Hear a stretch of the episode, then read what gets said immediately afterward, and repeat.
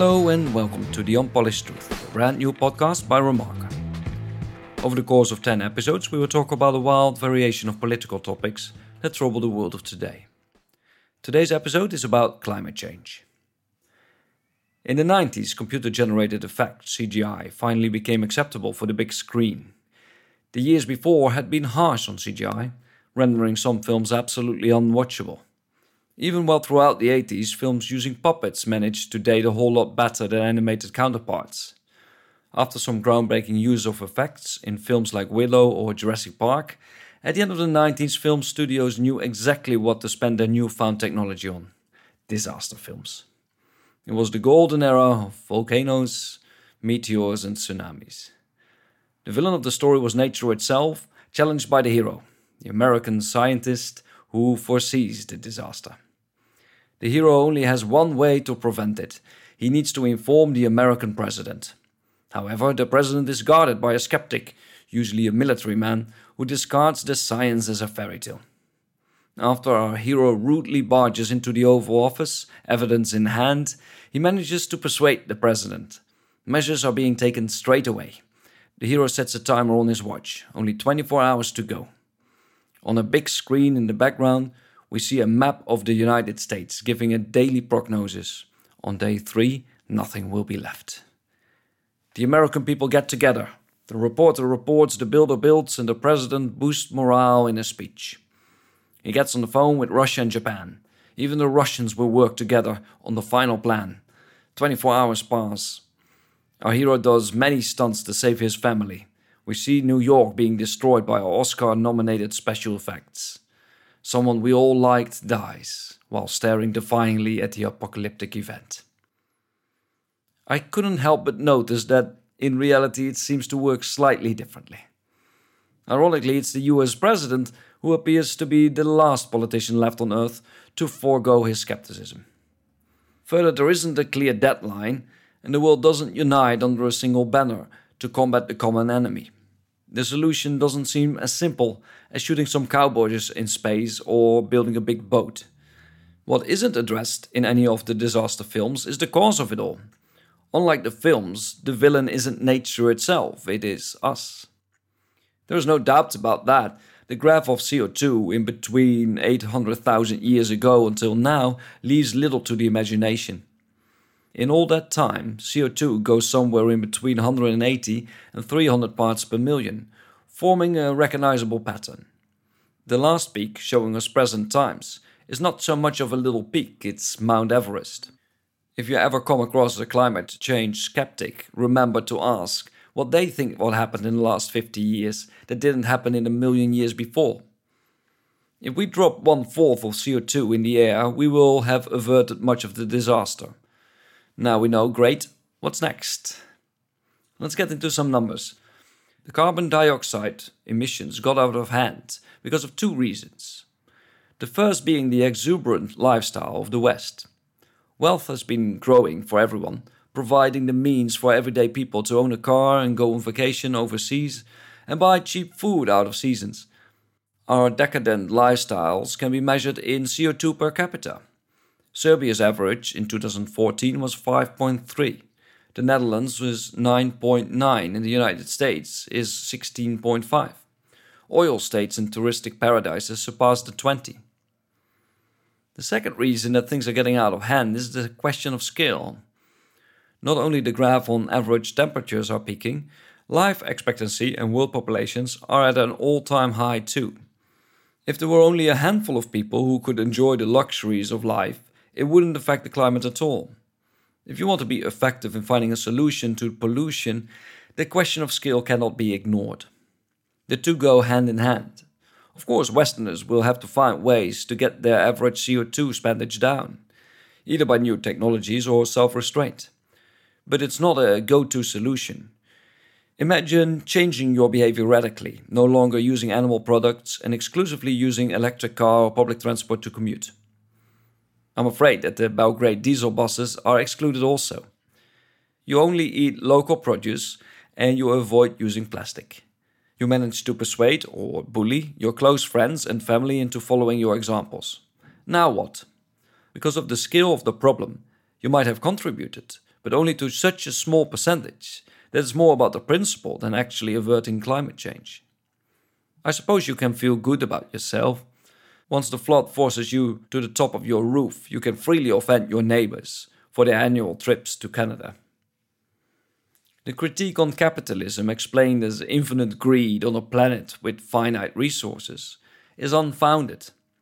There are some major problems with capitalism, don't get me wrong, but finite resources is not the reason of unsustainability. In fact, in 1800 it was coal that saved the forests. Up until then, wood provided heat for households and steam engines. The introduction of coal constituted a halt to mass deforestation. Wood is a renewable source of energy. In fact, in Holland, it's the main source of green energy. This type of green energy will produce more CO2 than a coal powered plantation would.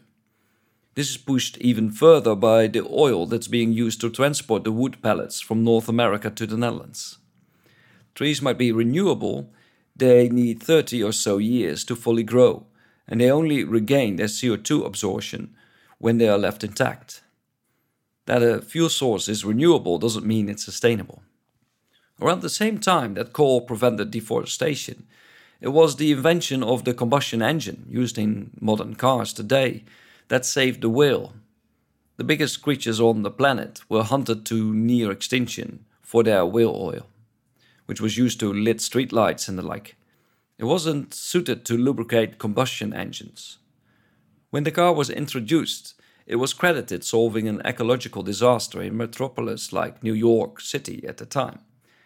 In 1880, there was an estimated 150,000 horses in the city with a rate of 10 kilograms of horse poo a day, adding up to tons of horse crap at the end of the week. You could purchase the services of a cross sweeper to cut a path through the manure, but once it started raining, there was no way around the muck. Evidently, time has taught us that the car came with its own ecological problems. It solved one problem and created another. We seem to repeat this conundrum Electric cars run on electricity, which is acquired by burning coal or wood in a power plant, providing approximately just as much CO2 as a regular car. It is not unthinkable that we find a sustainable form of electricity in the future, but even then, what are we going to do with all the used car batteries? Poor Tesla.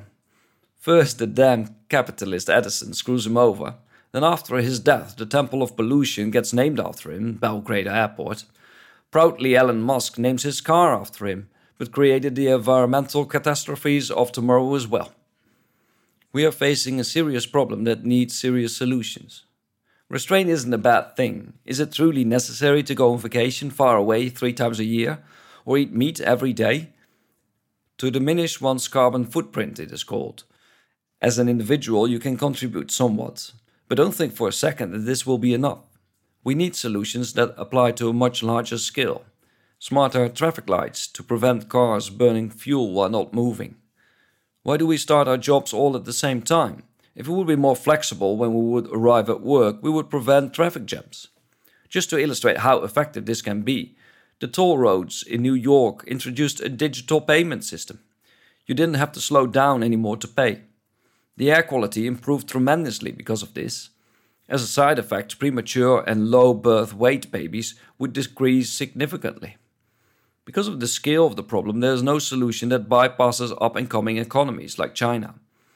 Their current projection for building future coal plantations average out on two new power plants per month, and that goes on for 12 years. This growth alone is nearly double of the total coal consumption of Europe. 28% of the world's total emissions comes from China. We should be cautious being over enthusiastic with draconic measures that will provide waste for the future. The electric car is one of them, nuclear power plants are another. With complex problems, the consequences are somewhat hard to oversee. Air pollution is responsible for 90 million deaths a year worldwide. In a city like Delhi, the smog is so bad that 80 people per day die because of it. At the same time, sulfur in the atmosphere will cool the planet by at least half a degree. Smog provides a lot of sulfur in the air.